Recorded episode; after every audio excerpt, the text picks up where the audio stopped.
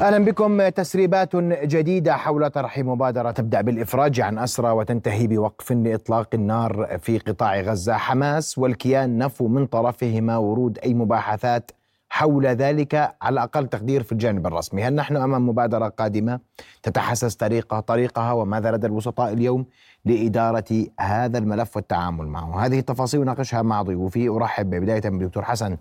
البراري الخبير الاستراتيجي دكتور حسن مساء الخير واهلا بك في نبض البلد. وأيضا أرحب بمدير مركز القمة للدراسات من الدوحه مباشرة الأستاذ صالح غريب. أستاذ صالح مساء الخير واهلا بك في نبض البلد. رؤيا بودكاست. واسمح لي أن أبدأ معك أستاذ صالح. وسؤالي هو اليوم آه، هناك تسريبات آه، أغلبها من صحف عبرية عن وجود مبادرة صحيح. قطرية جديدة تبدأ بإفراج عن أسرى مدنيين مشابهة لتلك السابقة وتنتهي بوقف لإطلاق النار، مدى صحه ذلك والدوحة رسميا لم تعلق بعد؟ آه، أهلا وسهلا سعيد بتواجدي معك ومع الدكتور حسن و أسعد بتواجدي هذا. آه، لا شك إنه آه، يعني منذ انتهاء الهدنة الأولى التي نجحت قطر في فيها يعني وكانت تسعى دولة قطر إلى أن تستمر هذه الهدنة التي عملت عليها حتى تكون دائمة وليست وقتية تجدد بين الحين والآخر. ولا زالت قطر تعمل على هذا الأمر آه، ودائما ما آه، نجد إنه التسريبات تأتي من الكيان الصهيوني و آه، يعني يمكن إحنا دائما نستقي أعمالنا وتحليلاتنا من المتحدث الرسمي لوزارة الخارجية في دولة قطر الدكتور ماجد الأنصاري أو من موقع وزارة الخارجية إذا كان هناك تقدم ال ال ال ال الوساطة قائمة. لكن آه، يعني اغتيال الشيخ العرور آه، لا شك إنه عرقل آه، هذه يعني هذه الوساطة. وحتى عندما زار وفد من أهالي الأسرى في الإسرائيليين للدوحة والاجتماع مع وزير الخارجية الشيخ محمد بن عبد الرحمن يعني أوضح لهم ذلك إنه يعني هذا الاغتيال آه، عقد العملية أكثر خصوصا في التواصل آه، مع حركة حماس ل آه، يعني التواجد في وساطة. والرؤية هي فعلا قائمة بأن تكون هناك في البداية تم إطلاق سراح الأسرى المدنيين وبعد ذلك خطوة في خطوة حتى يأتي إلى الحجم الأكبر وهو آه، الجيش والمجندات وافراد الجيش الإسرائيلي الذي تم آه، يعني تواجدهم سواء كان خلال هذه الفترة أو في الفترات السابقة، يعني الفترات السابقة كانت التبادل كان يتم حول آه، اطلاق الأطفال خصوصا هناك في سجون الكيان الصهيوني عدد من الأطفال صغار السن يعني يبدأ من آه، ثلاث سنوات وينتهي ب 20 إلى 19 آه، عاما. يعني هذه المرحلة التي تمت. لكن الآن آه، ما قام فيه الكيان الصهيوني خلال هذه الفترة منذ تلك الفترة حتى الآن يعني وصل العدد إلى أكثر من 200 من 2500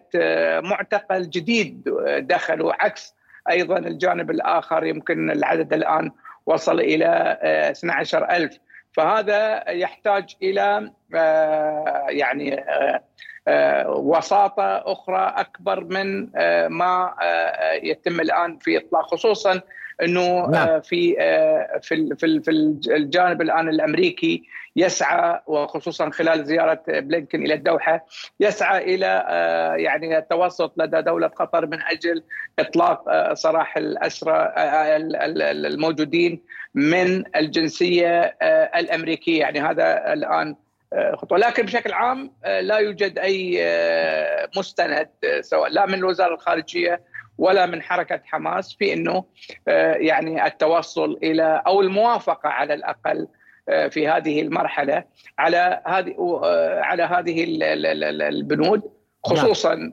في في إطلاق سراح المدنيين وهي هذه كانت موجودة يعني من منذ منذ المرة الأولى كان تم إطلاق سراح عدد من من المدنيين سواء كان من جنسيات أو من مزدوجي الجنسية أو من الاسرائيليين اللي كانوا موجودين في نعم. لدى حركة حماس. دكتور حسن مساء الخير مرة أخرى وبدي أسمع وجهة نظرك في هذا الإطار. وحماس تتحدث على لسان قياديها في الخارج تحديدا بأنه لا اتفاقات لا تبادل لأسرى دون وقف شامل لإطلاق النار. واليوم الجميع يتحدث أنه لابد من مبادرة لو بهدنة مبسطة أو هدنة مؤقتة محددة زمنيا على أن تنتهي بوقف إطلاق نار لتعود المفاوضات على أقل تقدير من جديد. برأيك المشهد كيف هو سياسيا اليوم؟ آه شكرا أخي محمد. آه يعني أنا عطفا على كلام الزميل والصديق من الدوحة. أنا أعتقد إنه القيادة القطرية القطريه لا لا يعني لا تجري مفاوضات بالاعلام آه، وهم في حالة تواصل دائم. غرفة عمليات خاصة في وزارة الخارجية القطرية لهذه الغاية. منذ ان منذ السابع من أكتوبر اليوم التالي شكل فريق مثل النحلة يعملون ليل نهار من أجل الوساطة ومن أجل إنقاذ ما يكون إنقاذه من الشعب الفلسطيني خاصة مع التدمير مع الإبادة الجماعية وكل هذه الهجمة البربرية. فبالتالي الأمر لا يناقش في الإعلام، أنا لا أعتقد أن يعني القول بأن هناك جهود قطرية هو صحيح لكن القول بأن الجهود القطرية هي تستهدف فقط إخراج مدنيين مقابل مدنيين أنا أعتقد هذا آه، ينافي الاستراتيجية القطرية التي آه، آه، الإند جيم لها بمعنى نهاية اللعبة لها وقف إطلاق النار. لأنه من دون وقف إطلاق النار هنا هي عبارة عن منح جائزة لإسرائيل يتبجح بها نتنياهو داخليا بأنه تمكن من إرغام الجميع بما فيهم الوسطاء الضغط على حماس لإطلاق حرا... لإطلاق سراح السجناء أو الأسرى أو المختطفين أو الرهائن سميهم كما شئت. فبالتالي يمنح نتنياهو آه، آه، نوع من الورقة التي يمكن أن يجادل فيها داخليا. في حين المطلوب هو التلاعب في الرأي العام الإسرائيلي، لا أعتقد أن قطر يمكن أن تكون جزءا من هذا آه، الجهد، لكن أيضا في الوقت ذاته هناك أفكار يتم تداولها بين القطريين والأمريكان والمصريين أيضا لأن المصريين انفولد جزء من هذه الأفكار. لإيجاد إطار عام يمكن أن يحقق مطالب آه، آه، لكن الهدف النهائي هو آه، الوقف إطلاق النار. وليس الهدف النهائي هو الحديث عما بعد الحرب. بمعنى أنا أعتقد أن الجانب القطري رفض أكثر من مرة مجرد وهذا كلام أنا سمعته شخصيا من مسؤولين قطريين من ضمنهم الأستاذ ماجد الأنصاري الدكتور ماجد الأنصاري بأن الجانب القطري لا يمكن أن يناقش ما بعد غزة دون الحديث عن وقف إطلاق النار اولا. وقف إطلاق النار اولا. أنا أعتقد أي مبادرة قطرية ستصب في هذا الاتجاه. هل هناك قبول إسرائيلي لهذه الأفكار لغاية الآن؟ ما نسمعه من تصريحات لا. هل هناك استعداد من قبل قادة حماس بالداخل والخارج لمناقشة أي أمر لا ينص على وقف إطلاق نار فوري ثم بدء المفاوضات حول المختطفين والأسرى؟ أنا أعتقد لا، يعني القادة في حماس يفهمون اللعبة جيدا. فبالتالي ربما يكون هذا التسريب هو آه، للحديث عن جهود قطرية مصرية مشتركة لكن التفاصيل أنا أعتقد يعني آه، لا أشتريها. نعم أستاذ صالح وأعود في في ذات الإطار واسمح لي بأن اليوم الجميع يعول على على على الدور القطري المصري المشترك في إيجاد حلول ووقف اطلاق النار من خلال اتفاقيات كون الطرفين على تماس مباشر مع آه، الجانب الفلسطيني والمقاومة الفلسطينية وحماس تحديدا صحيح. واليوم حماس ما بعد العاروري تختلف عن حماس ما قبل استشهاد العاروري وعليه صحيح. هل تعطي قيادة حماس انطباعات للقيادة القطرية للقطريين بأن هناك إمكانية وقبول للوصول لاتفاق بعيدا عن وقف إطلاق النار كأساس له؟ لا هو آه، السبب في عرقلة التوصل يعني يمكن حتى قبل آه، آه، اغتيال العروري كانت هناك مرحلة أخيرة ويتم إعلان التوصل آه، إلى آه، اتفاق بالهدنه آه، وإيقاف يعني هذا هذا القتل الذي تمارسه إسرائيل. ولكن عدم الالتزام الكيان الصهيوني بإيقاف الحرب لن يكون هنا يعني أنا أنت أنت تقتلني وأنا بعد ذلك يعني أوافق على ما تمليه عليه. يعني لا يمكن أن لا قطر ولا مصر ولا حركة المقاومة في غزة ممكن أن تقدم للكيان الصهيوني هذه الجائزة. ولذلك يعني هو الرفض أعتقد سيكون حليف هذه الخطوة إذا ما يعني حدث. لكن في في المقابل هو في بالأساس الآن من يمسك زمام يعني زمام القوة في أرض المعركة؟ هي حماس وليست إسرائيل. نلاحظ يعني هذه الفيديوهات التي تصلنا من قطاع غزة كيف يتم اصطيادهم من المسافة صفر وبالطريقه التي تتم اصطيادها فيها. وعدد القتلى الآن اللي بدأ الجيش الإسرائيلي يعلن قتلاه يعني يدل على إن هناك خسائر كثيرة جدا. يعني وصول 12 ألف معاق ولا لا يستطيع أن أن يدخل مرة أخرى إلى أرض المعركة. هذا هذا نتيجة فشل حقيقة عسكري. وأيضا الضغط الدولي الآن يعني يمكن اليوم استمعنا إلى يعني محكمة العدل الدولية تجاه إسرائيل وما تقوم فيه. لذلك أنا أعتقد هذا الضغط الدولي سوف يجبر الكيان الصهيوني على القبول بوقف إطلاق النار ومن ثم البدء في لكن قضية آه، ما بعد غزة قطر لا تناقش كما ذكر الدكتور آه، حسن لا تناقش هذا الأمر لأنه آه، في النهاية هو في يد إسرائيل ولا في يد يعني قيادة حماس. ولا ولا يمكن أن تملي هذه الدول لا إسرائيل ولا أمريكا ولا أي دولة على القيادة الفلسطينية وعلى قيادة المقاومة أنه يتم القبول وإبعاد حماس بهذا من من من من من غزة. هذا أمر يعني أعتقد إحنا حتى كعرب بعد هذا النجاح الذي حدث في هذه الفترة صحيح هناك قتلى صحيح هناك تدمير صحيح هناك لكن هناك قوة لدى الشعب الفلسطيني ويعني ألغى المخطط منذ اجتماع البحر الأحمر الذي تم لتطبيق الشرق الأوسط الكبير وفشلت هذه الخطوة لذلك ستفشل أيضا مناقشة أو أي مناقشة لأي دور ل يعني ما بعد الحرب لكن نعم.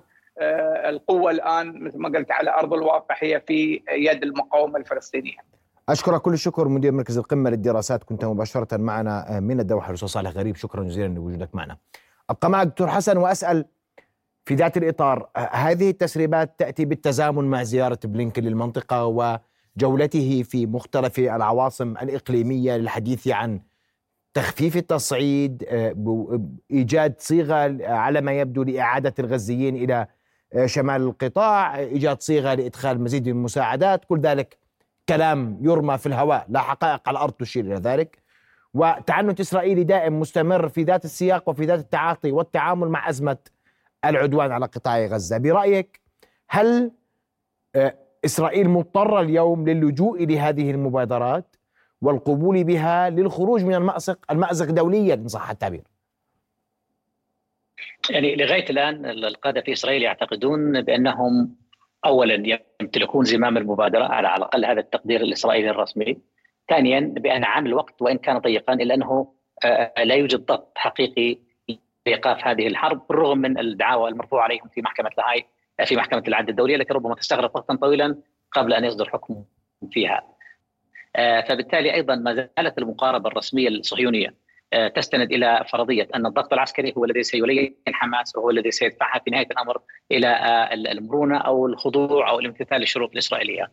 أي أن الجانب الإسرائيلي ينظر إلى هذا إلى ما يجري في غزة كلعبة صفرية بمعنى مكسب أي مكسب لحماس هو خسارة صافيه لإسرائيل وهكذا تفكر القادة الاسرائيل القادة في إسرائيل لأنهم هنا نتحدث عن نتنياهو شخصيا هو يخشى من آه، أي مبادرة يمكن تفسيرها هزيمة لإسرائيل يمكن أن يؤثر على وضعه الداخلي، الوضع السياسي، هناك الحديث عن شقاقات داخل حزب الليكود، هناك الحديث عن أيضا آه، آه، وجود تصدع في مجلس الحرب والحكومة أيضا. فبالتالي هو يعني في مهب الريح مستقبله السياسي في الريح فبالتالي هو لا يمكن له عمليا ونظريا أن يقبل إلا إذا كان هناك واحد من أمرين، الأمر الأول أن يكون هناك ضغط دولي أكبر من الولايات المتحدة الأمريكية أو أن يكون هناك فشل عسكري في الميدان بشكل مهم أكثر. يعني آه هذان الشرطان فقط هم اللذان يمكن أن يدفعوا نتنياهو لتغيير موقفه الحالي والقبول واللجوء إلى إلى آه إلى أي مخرج. آه لكن لغاية هذه اللحظة نتنياهو لا مصلحة له في انهاء الحرب آه ربما ربما يقبل فكره الانتقال إلى المرحلة الثالثة بمعنى وقف القصف العشوائي واستهداف المدنيين والقيام بعمليات مداهمات خاصة بناء على معلومات استخبارية. لكن الحديث عن لجوء إسرائيل إلى وساطة من أجل إنهاء الحرب دون أن تحقق أهدافها لغاية الآن غير مطروح جديا لدى من يصنعون القرار في إسرائيل. ربما تجبرهم الظروف في قادم الأيام لكن لغاية الآن هذا غير مطروح. وأنت مطلع على الصحافة العبرية بشكل واسع دكتور حسن، ماذا تقول الصحافة العبرية اليوم بعد كم الخسائر في الساعات الماضية والأيام الماضية الكبير جدا في جيش الاحتلال بعد بعد اعترافات عديدة لجنود خرجوا من من ساحة المعركة وهل سيعتبر ذلك ضغطا على الرأي العام وعلى حكومة نتنياهو؟ بكل تأكيد أستاذ محمد الصحافة الإسرائيلية التي كانت مجندة لصالح فكرة الحرب بدأنا أيضا نشهد فيها تشقعات هارتس تصدعات هآرتس على سبيل المثال لم تعد تشتري الرواية الرسمية الإسرائيلية بل تحاكمها يديعوت أحرونوت وهي تسمى עיתון המדינה بالعبري بمعنى جريدة الدولة. أيضا هي التي هي التي كشفت عن عدد الجرحى بشكل صادم للرأي العام الإسرائيلي الذي كان يقبل حقيقة ما يجري على أرض الميدان لأنه كان مشبع بصوره النصر المزيفه والوهم الذي باعه نتنياهو وأعوانه من صحافة اليمين الاسرائيلي التي هيمنت على الشارع في تلك الفترة على اعتبار أن لا صوت يعلو على صوت المعركة. الآن هناك أيضا توصل الرأي العام الإسرائيلي بمجمله إلى إلى نتيجة موضوعية بأنه لا يمكن تحرير الأسرى من خلال عملية عسكرية وتوصل أيضا إلى نتيجة أخرى وهي أهم وربما تكون صادمة لنتنياهو شخصيا بأنه بأن أولويات نتنياهو ليست تحرير الأسرى وإنما هو الاستمرار في الحرب فبالتالي هو يخاطر بأبناء ال ال الإسرائيليين هو يعني يقدمهم ضحية أو قربانا من أجل أن يبقى على كرسي ويبقى في هذا الموقع السياسي. السؤال هل هناك في كتلة داخل إسرائيل تتحرك من أجل إسقاط نتنياهو أو من أجل حرف مساره في الحرب؟ نعم هي موجودة. هل وصلت إلى الحد الحرج؟ لا لغاية الآن لم تصل لكن في طريقها. كم سنحتاج من وقت أنا لا أستطيع أن أتنبأ لكن أيضا الأمور في إسرائيل لم تعد كما كانت يعني بعيد السابع من أكتوبر وإنما هناك شكوك كبيرة داخل النخب الإسرائيلية اولا بأن أهداف الحرب هي غير عملية، ثانيا أن نتنياهو هو يتلاعب بأهداف الحرب لأهداف سياسية داخلية، ثالثا أن نتنياهو is unfit بمعنى أنه يفتقد الأهلية لقيادة إسرائيل ودولة الكيان ودولة الاحتلال في هذه اللحظة التي توصف اسرائيليا بأنها الأكثر صعوبة في تاريخها.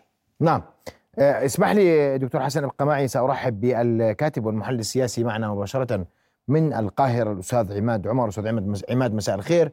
ونتحدث عن مبادرة نتحدث عن مبادرة قطرية مصرية لإعادة الهدوء لقطاع غزة وهي كما كانت الطروحات المصرية تسريبات إعلامية أو أفكار على ورق. هذه أيضا على ما يبدو أنها لا تزال في إطار التسريبات وليست حقائق موثقة لم تصدر رسميا عن الدوحة أو القاهرة. والسؤال اليوم القاهرة أمام ضغطين ضغط وقف إطلاق النار ضغط محور فيلادلفيا وضغط التهجير برأيك هل هناك فعلا مبادرة مصرية قد تقدم لوقف إطلاق النار في قطاع غزة تلقى قبولا لدى الطرفين حماس أساسا التي ترفض وقف إطلاق النار دون أو ترفض تحرير الأسرى دون وقف إطلاق النار واسرائيل التي تريد أن تحقق نصرا على حماس بأي ثمن كان. من المؤكد إنه في جهد مصري لإنهاء الحرب في غزة. ايا كان وصفه هيكون مبادرة أو وساطة لكن من المؤكد إنه في جهد مصري لأن طبعا مسألة الوضع في غزة يعني لها صلة وثيقة بالأمن القومي المصري وبالتالي هي مهتمة مصر مهتمة تماما بإنهاء هذه الأزمة بهذا المأزق في قطاع غزة مصر لها أولوياتها زي ما حضرتك تفضلت إنه مسألة إنهاء الحرب مسألة منع نزوح الفلسطينيين مسألة دخول المساعدات. دول ثلاث أولويات بالنسبة لمصر في أي اتفاق ممكن التوصل به في غزة. طبعا هناك أولويات من باقي الأطراف ولها تأثيرها في الصياغة النهائية للمقترح أو المبادرة، يعني على سبيل المثال سمعنا من التسريبات عن عن من الجانب القطري أن من ضمن بنود المبادرة آه، السماح بخروج زعماء حماس آه، إلى المنفى. طبعا آه، زي ما حضرتك تفضلت هذه مجرد تسريبات حتى الآن.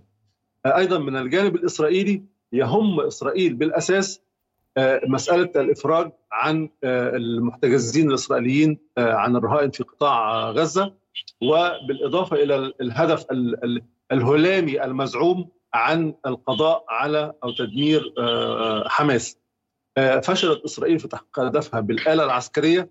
هي تبحث الآن عن مخرج من أو النزول من على الشجرة كما يقال يعني. هناك ضغوط على مختلف الجوانب. زي ما حضرتك تفضلت بالنسبة لمصر مثلا محور فيلادلفيا إسرائيل تضغط من هذا الجانب.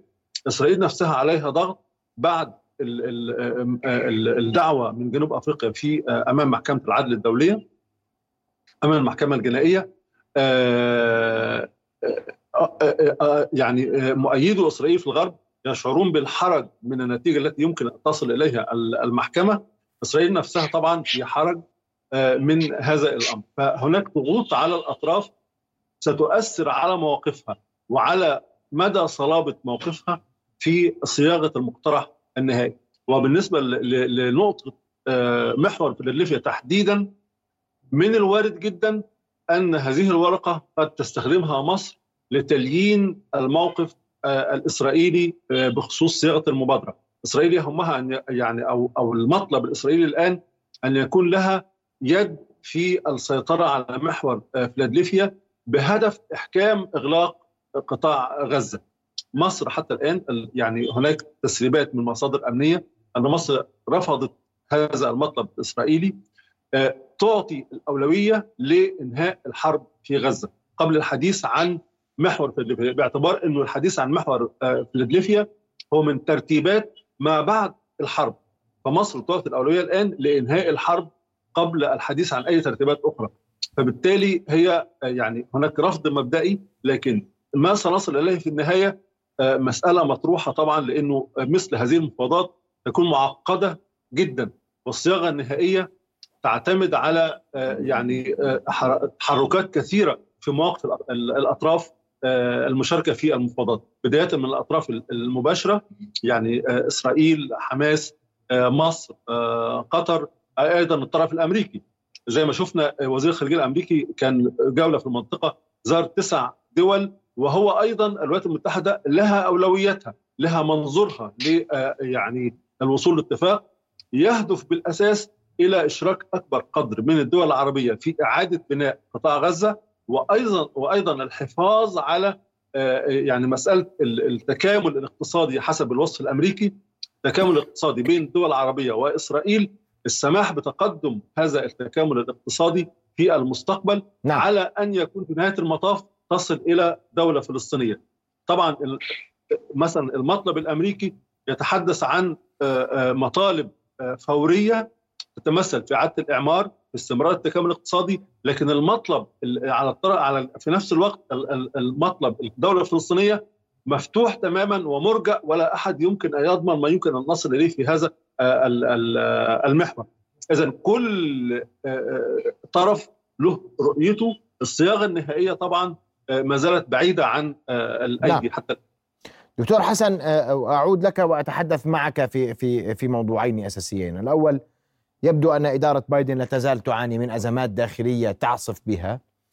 والولايات المتحدة الأمريكية على بعد يعني خطوات قصيرة في أمام انتخاباتها المقبلة في نهاية العام. وأيضا هناك تساؤل مهم حول محور فيلادلفيا وكيف سيكون الدور الأمريكي.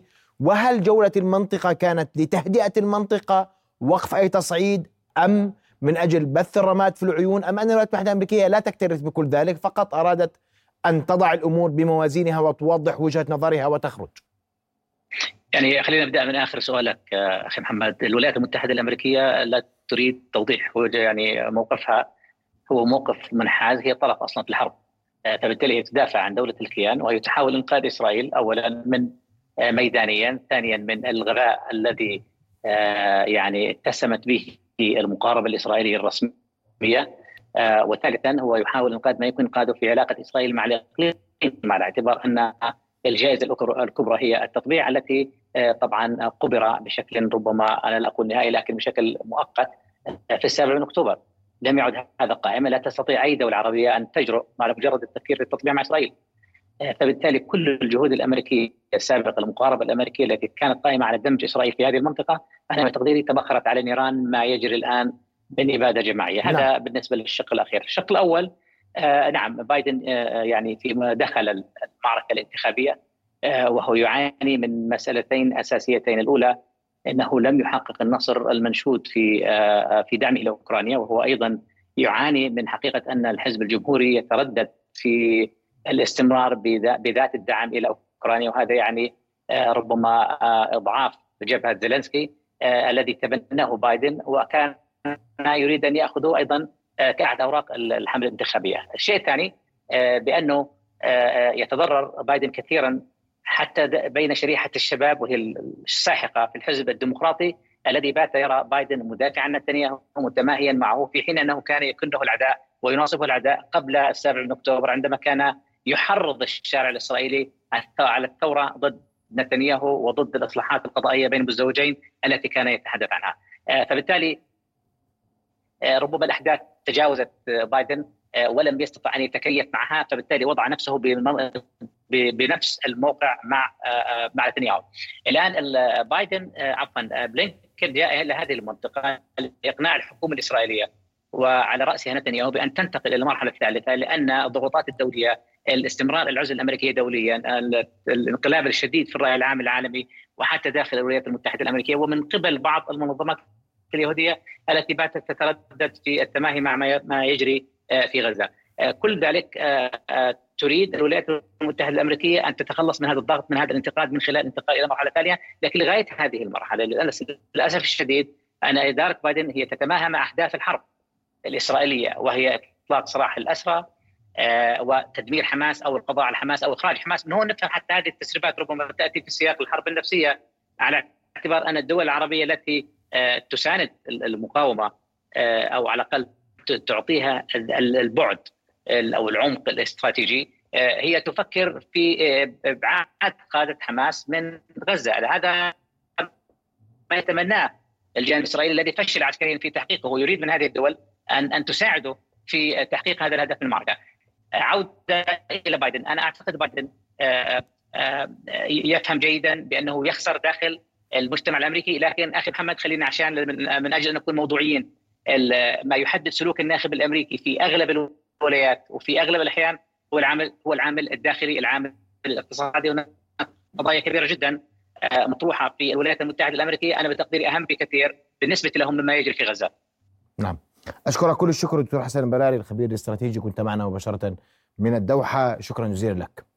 أعود لك أستاذ عماد عماد وأسألك بوضوح هل سيكون هناك ما هو جديد مصريا في قادم الأيام وهل هناك تجاوب إن صح التعبير إسرائيلي ومن حماس لما يقدم من قبل الجانب المصري؟ بعجالة لو سمحت. آه نعم باختصار آه يعني آه, آه، استطيع القول إنه سيكون هناك جديد من الجانب المصري في هذا المجال بحكم يعني خبرة مصر وتجاربها في القطاع.